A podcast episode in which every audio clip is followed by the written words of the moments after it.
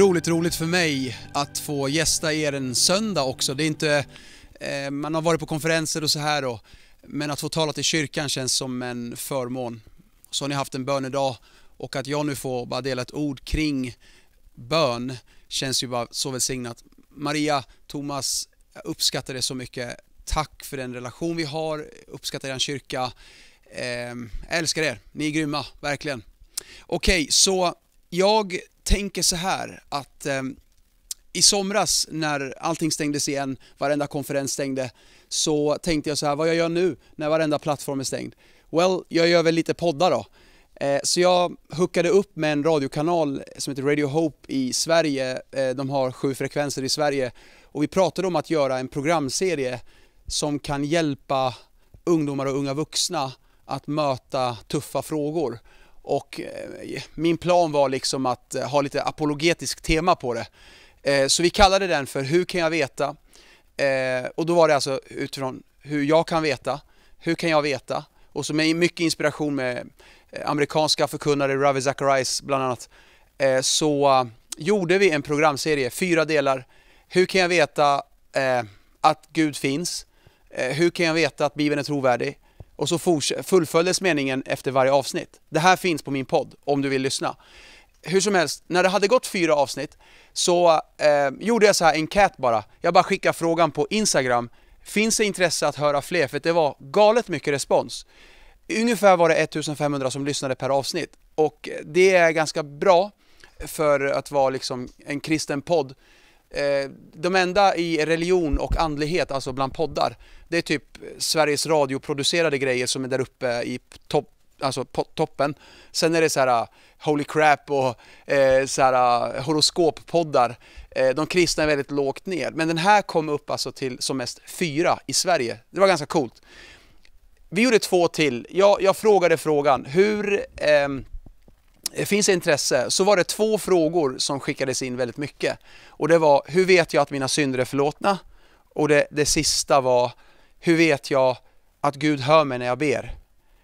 Det tyckte jag var ganska intressant. Den andra nästan räknade jag med, för det, det tycker jag är en ganska vanlig fråga. Hur vet jag att Gud hör? Och det har ju med bön att göra. Så vi gjorde två till och det jag kommer köra nu är alltså just det. Hur vet jag att Gud talar? Vi hoppar rakt in. Ända sedan tidens början så, och hela hela Bibeln så pratade Gud med människor och Gud har inte slutat prata vid en viss tidpunkt. Han slutade inte prata när apostlarna dog. Han, han, han har inte slutat prata. Han pratar fortfarande med oss och till oss. Bibeln säger att han är densamme, igår, idag och i evighet. I, i Malakis bok så, så säger Gud själv, jag är Herren Gud och jag förändras inte. Alltså Gud har inte liksom bytt kostym. Han är densamme. Han talar även idag. När du tar emot Jesus, när en person tar emot Jesus Kristus i sitt hjärta, blir född på nytt, då säger ju Bibeln att vi blir andligt levande. Alltså vi blir födda på nytt. Och när vi föds på nytt, då får vi också en förmåga att höra andligen. Med andra ord, att höra Gud är medfött. Det kommer med frälsningen. Det här betyder att du kan höra Gud. Det är inte bara vissa som kan höra Gud, du kan också höra Gud. Eh, men precis som med barn som behöver lära sig att kommunicera så behöver också vi lära oss att kommunicera med Gud. Och det där är en, man mognar i det, man växer i det, man är inte proffs direkt, man lär sig, man växer. När det kommer till Guds vilja är det bra att särskilja på två grejer. Eh, Guds allmänna vilja, Guds specifika vilja. Allmänna vilja, specifika vilja. Det allmänna, det är vad Gud vill för alla. Det är det som står i Bibeln. Gud vill att jag ska förlåta. Gud vill att jag ska låta döpa mig. Gud vill detta för alla. Det allmänna viljan är för alla. Eh, Specifika handlar om min personliga kallelse. Vad vill Gud för mig? När ska jag byta jobb? Eh, vilken fru ska jag ha? Du vet, det som inte kanske står i Bibeln. Hur får jag tag på det specifika? Well, där är det mycket om att ha en relation med Jesus. Leva med anden, där han får guida dig. Men jag får bara flika in en sak. Många av oss vill ha det specifika. Vi vill veta vad Gud vill för våra liv. Men Gud tittar också väldigt mycket på hur vi gör i det allmänna. Följer vi de små orden, förstå mig rätt, då kommer han ge oss de stora orden. För det handlar mycket om förvaltarskap tror jag. Bibeln talar om förvaltarskap. Är du trofast med det Gud ger dig, då kommer Gud ge dig mer. Låt mig säga det så här då. Varför skulle Gud ge dig stora ord om inte ens du har lyssnat i de små? Varför ska han guida dig och visa dig vad du ska göra i livet när du inte ens har förlåtit din fiende? Vi vill ha det specifika, men har vi gjort det allmänna? Är du med? Det här är en viktig princip i Bibeln. Ja, jag vill höra Guds röst, men har jag gjort vad han har sagt? Har jag varit en god förvaltare? Okej. Okay. Um, I Gamla Testamentet fanns det en princip. Principen var efter två eller tre vittnens samstämmiga vittnesmål ska varje sak avgöras. Den här principen citerade Jesus, Paulus också. Ehm, och liksom för att korrekt bedöma e-, e-, ett fall i rätten eller, e-, så var det här en bra princip. Också det att alltså, i livet, låt två eller tre eh, bekräfta det här. Då vet du att det är rätt liksom. En äldre missionär sa så här. Jag tror att när den helige ande talar någonting till mitt hjärta, då ber jag honom bekräfta det på tre sätt. Jag ber att han ska bekräfta det med sitt ord, genom andra och genom omständigheter. Alltså hon sa så här, när Gud säger något till mig, då ber jag Gud bekräfta det på tre sätt utifrån den princip vi precis läste. Efter två eller tre vittnes, samstämmiga vittnesmål ska du avgöra en sak. Jag ber att Gud ska ge mig ett ord på det från Bibeln. Jag ber att att någon ska säga någonting till mig om det. Och jag ber att mina omständigheter ska linjera sig med det så att jag vet att det är rätt. Det är ganska intressant, eller hur? Alltså hon ber om tre vittnens samstämmighet. Det tycker jag är, låter som en ganska bra princip för oss också. Hur ska jag veta? Well, be Gud om tre eh, tecken.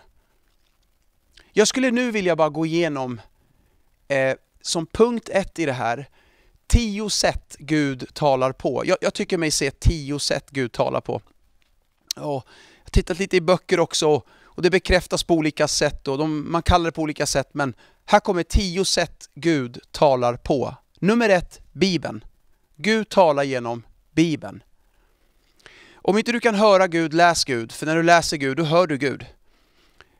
Gud har sagt vad han, han, han, han uttrycker sin vilja i sitt ord. Och, och, och, hör det här också, Gud skulle aldrig säga något till oss som motsätter sig det som står i Bibeln. Gud skulle inte säga emot sig själv. Därför är det bra om jag hör en sak, men Bibeln säger inte det.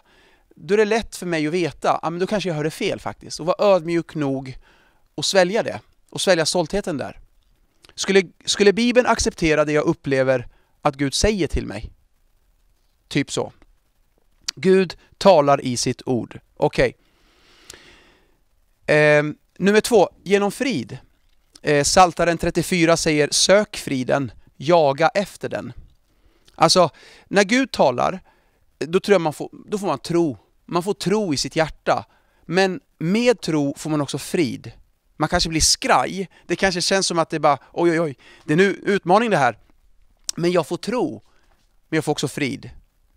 Frid är bland de bästa bekräftelser på Guds röst. För Guds röst fyller inte dig med fruktan, utan med frid. Kolosserbrevet 3 säger Låt Kristi frid regera i era hjärtan. Filipperbrevet säger Då ska Guds frid som övergår allt förstånd Eh, förstånd betyder också resonerande, alltså allt ditt grubblande, resonerande. Guds frid ska, eh, som övergår allt grubblande, Bevara ditt hjärta och dina tankar i Kristus Jesus. Bra va? Okej. Okay. Nummer tre, rådgivning med mentorer. Det här är viktigt. Ibland är det bra att inte hålla sig själv för vis, utan att bolla grejer du upplever. Det är helt okej okay att göra det. Om jag upplever det här. Man lägger inte fram en sak för att be någon höra Gud åt den, man lägger fram det för att, eh, för att det ska prövas. Det här upplever jag. Nummer fyra. Omständigheter. Ett exempel på det är Jona. Gud pratade med Jona. Jona gav inte akt på vad han hörde. Då talade Gud till honom genom hans omständigheter. Många gånger behöver du bara titta på dina omständigheter. För att genom dina omständigheter kan faktiskt Gud tala. Folk har sagt så här till mig. Jag hör inte Guds röst. Här är mitt tips. Checka dina omständigheter. Gå tillbaka till det sista Gud sa. Vad var det han sa? Har du gjort det? Nummer fem. Genom människor. Bibeln, I Bibeln ser vi Gud talade genom profeter men också genom helt vanliga människor. Vanligt folk. Nummer sex. Drömmar och visioner. Okej, okay, så nummer sju. Genom tankar. Amos 4 säger Bibeln Gud förkunnar för människan sina tankar. Gud kan tala genom våra tankar. Um, självklart vet vi också att fienden kan tala till våra tankar. Här gäller det alltså att pröva sina tankar. Nummer åtta, genom naturliga händelser. Eh, Johannes 12, Gud talar, en del hörde åskan, men Jesus hörde Faderns röst. Eh, nummer 9, genom övernaturliga händelser. Ett exempel på det är Moses brinnande buske, Gideons ull, eh, Paulus syn, Damaskusvägen. Alltså övernaturliga, oförklarliga eh, grejer kan hända. Det här kan många, många vittna om eh, än idag. Det sista, nummer 10. Genom en viskning. I Första Kungaboken 19 läser vi att eh, Elia ville höra Gud. Gud sa till honom att gå till en viss plats och, och eh, beskrivningen är hur, hur, hur Gud gick fram på den platsen och hur en stark storm kom och ryckte loss berg, eh, bröt sönder klippor, Gud gick före. Men Gud var inte i stormen, Gud var inte i jordbävningen som kom, Gud var inte liksom i, i eh, elden som kom. Men så står det, efter elden hördes ljudet av en svag susning. I engelskan står det a still small voice. Och när Elia hörde det, då gömde han sitt ansikte och förstod att där var det Gud. Det är ganska intressant att Gud talade i den här viskningen, men inte i det här stora spektakulära. Jag, jag tror att många gånger handlar det om att Gud är ute efter en relation med oss. Han vill hellre viska till oss än att skrika till oss. Han vill hellre viska i brudens öra än att skrika till henne. Han vill viska för att han vill ha dig nära. Så Gud talar. Men vilka hör? Well, det är väl de som har rattat in frekvensen tror jag. Alltså om man har, jag tror Gud talar hela tiden. Hela tiden talar Gud. Men de som hör är de som har rattat in frekvensen. Um, sju gånger säger Jesus i Uppenbarelseboken, Hör du som har öron att höra med. Profeten Jesaja sa också det sju gånger. Jeremia 7.13 säger, um, Och eftersom ni har gjort alla dessa gärningar, säger Herren, och inte har lyssnat fastän jag gång på gång har talat och inte svarat fast jag gång på gång har kallat på er. Alltså Gud talar konstant till oss. Frågan är, lyssnar vi? Det här var punkt ett. Okay? Punkt ett var Gud talar på tio sätt. Här kommer punkt två. Ge akt på vad, men också hur. Vad och hur? Romarbrevet 10. Tro kommer av predikan och predikan i kraft av Kristi ord. Tro kommer av hörande och hörande av Guds ord. Om du träffar någon med stark tro, då har du också träffat någon med mycket bra hörsel. Om du har träffat någon som hör Guds röst, då har du också träffat någon som känner Guds ord. Låt mig säga det på ett annat sätt. Jag vill inte gå på stora beslut förrän jag har ett ord på det. Om Gud talar till mig, då får jag också tro för det. Markus 4 sa Jesus, ge akt på vad ni hör. Ordet vad. Lukas 8 säger Jesus, ge akt på hur ni hör. Alltså det handlar inte bara om vad Gud säger, utan vi ska också ge akt på hur vi tar emot det han säger. Jakob 1 ger oss en hint på hur vi ska lyssna på hans ord. Det står ta ödmjukt emot ordet. Gud talar inte för att bygga mitt rike. Gud talar för att bygga sitt rike. Det där är väldigt viktigt att ha klart för sig. Eh, Gud ger inte sitt ord till människor som kommer missbruka hans ord. Gud vill ge sitt ord till trofasta förvaltare. Till exempel, Gud gav Josef två drömmar. Han såg solen och månen böja sig för honom och eh, genast gick han runt och sprang runt och berättade för alla. Hej, eh, Gud har sagt det här stora till mig. Kanske sa han det på ett högmodigt sätt för att hans egen pappa sa Olak, ska jag och din mamma böja oss för dig? Alltså han kanske sa det på ett sätt som väckte ilska.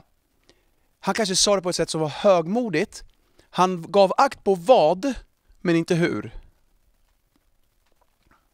Han hörde vad Gud sa, men han var inte så smidig i hur han, alltså, hur han förvaltade det. Det var inte vis, det var hö, högmodet fick honom kastad i brunnen.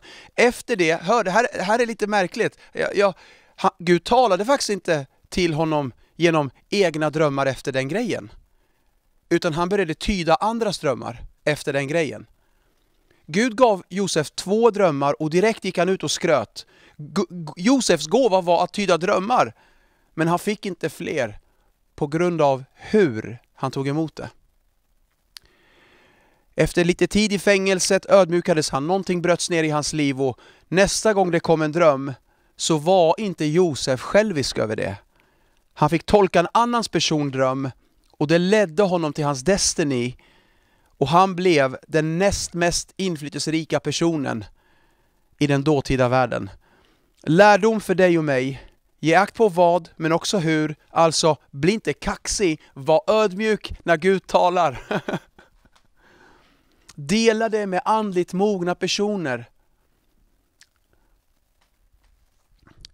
Här kommer punkt tre i den här undervisningen eller predikan och återigen, vill du höra den igen, hör den här, gå in på webben, dela den med vänner, finns också som podd. Hur kan jag veta att Gud talar? Punkt tre, Gud är ute efter en relation med dig.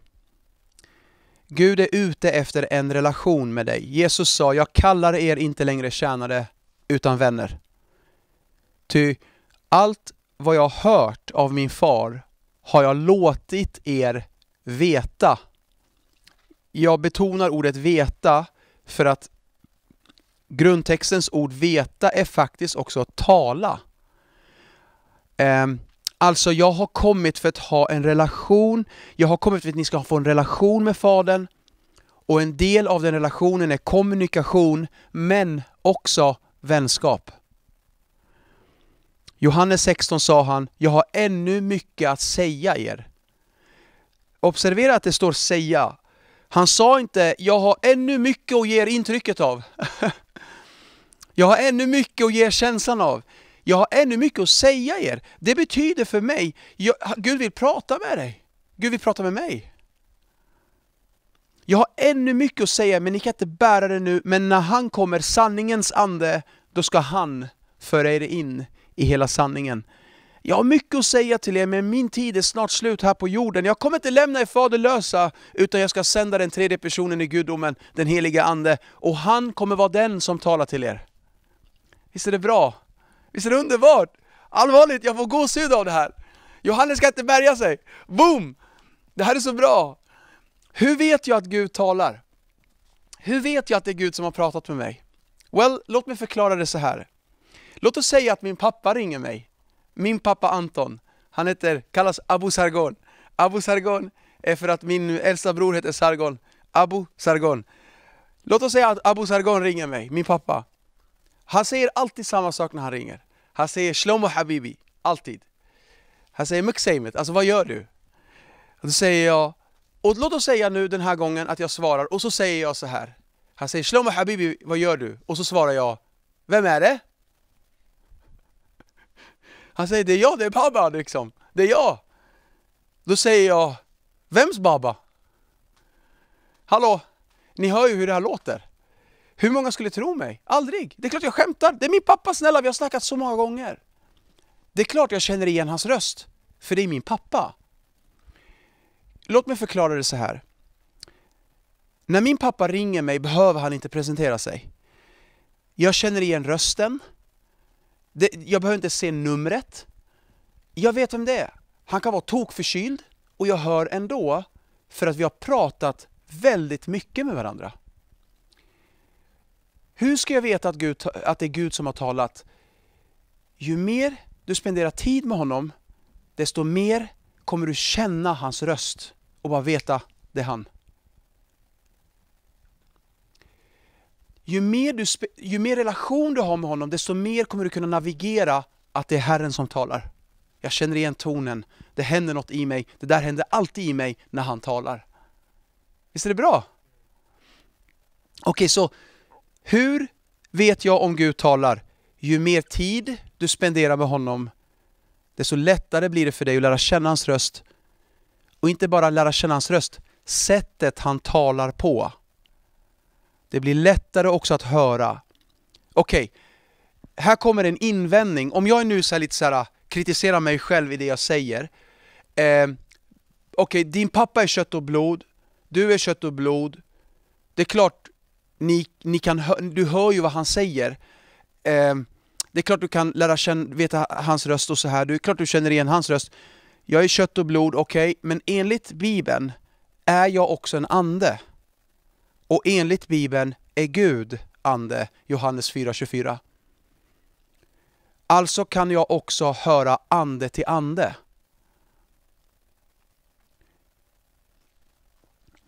Så praktiskt nu, hur ska, jag hur ska jag göra för att höra Guds röst?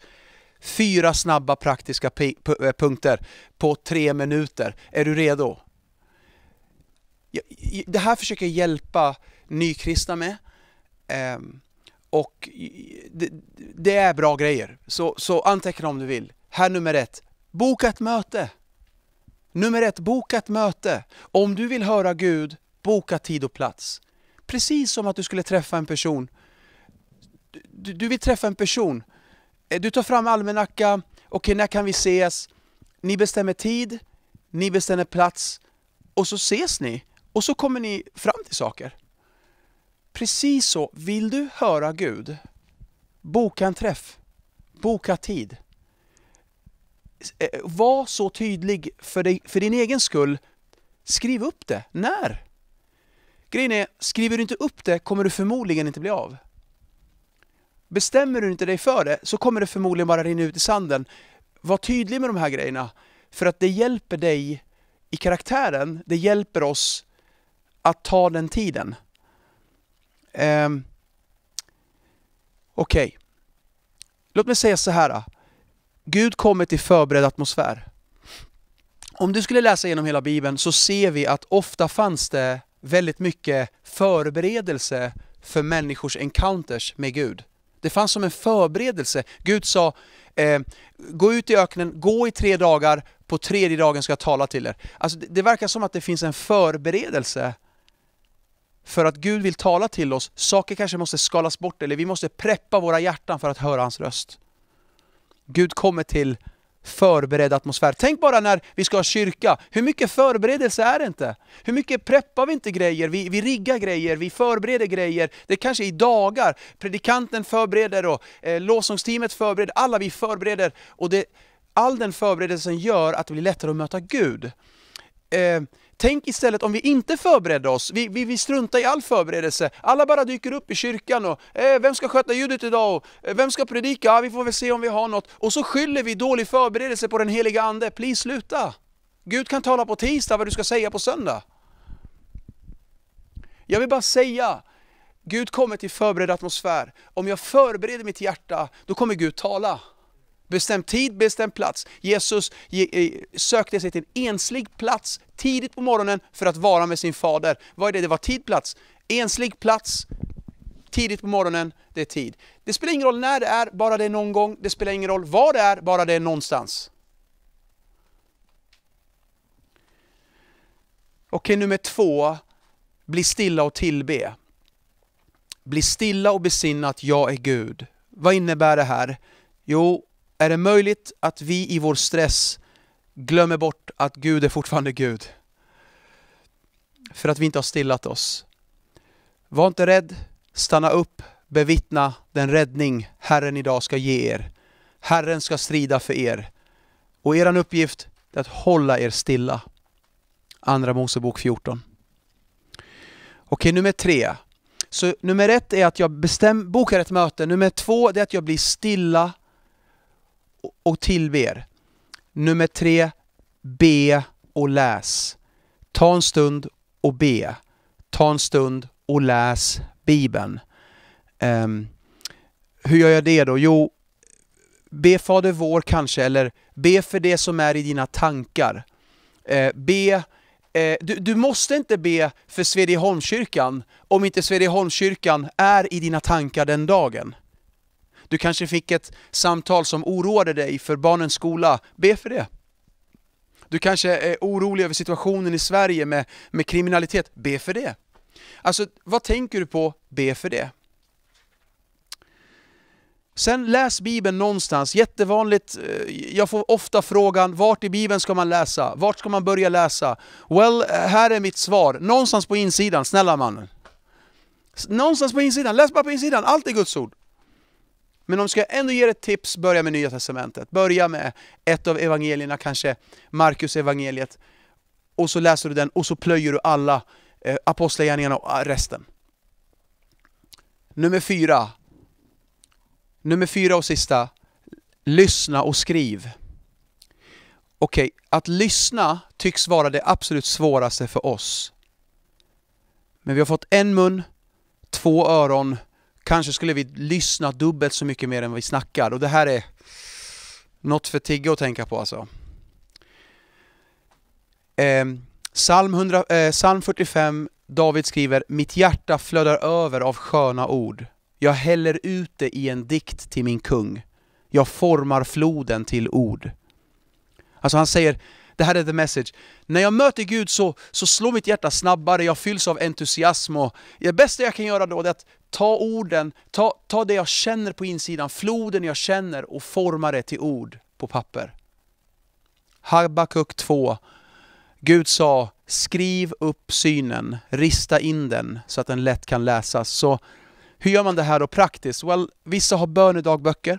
Istället för att be sina böner skriver de sina böner. Och det här är också ganska bra sätt att göra det på. Men mitt råd är, gör det på det sätt som funkar för dig.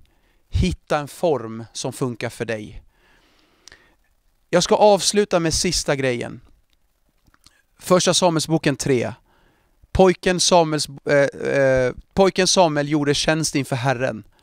Herrens ord var sällsynt på den tiden och profetsyner var inte vanliga.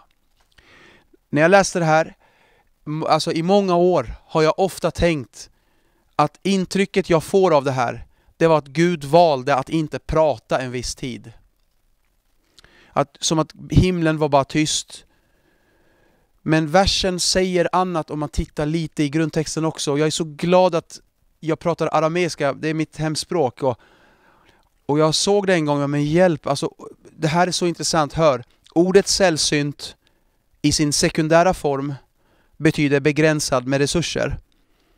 Ordet sällsynt i dess första form betyder värdefull och dyrbar. Ordet är ”yaqar”, eh, det är det ordet eh, vi också säger, det betyder tyngd. Någonting värdefullt, någonting tungt. Med andra ord, Herrens ord var inte tung, dyrbar för folket. Därför var profetsyner ovanliga. Varför talade inte Gud? För att folket värdesatte inte ens hans ord. Jag vill bara peppa dig. Sätt värde till hans ord. Låt det vara tungt för dig, jakar för dig. För Gud kommer inte vara tyst då. Han vill tala till dig. Han älskar dig. Och han vill in i en relation med dig. Och ju mer du spenderar tid med honom, desto mer kommer du lära känna hans röst. Gud välsigne dig. Fader Gud, välsigna nu varje lyssnare, hela församlingen. Låt det här växla upp vår relation med dig. I Jesu namn. Amen. Tack som har lyssnat till budskapet den här förmiddagen. Ett så underbart ord som vi får ta med oss och bevara i våra hjärtan och vi får träna på att höra Guds röst i våra liv.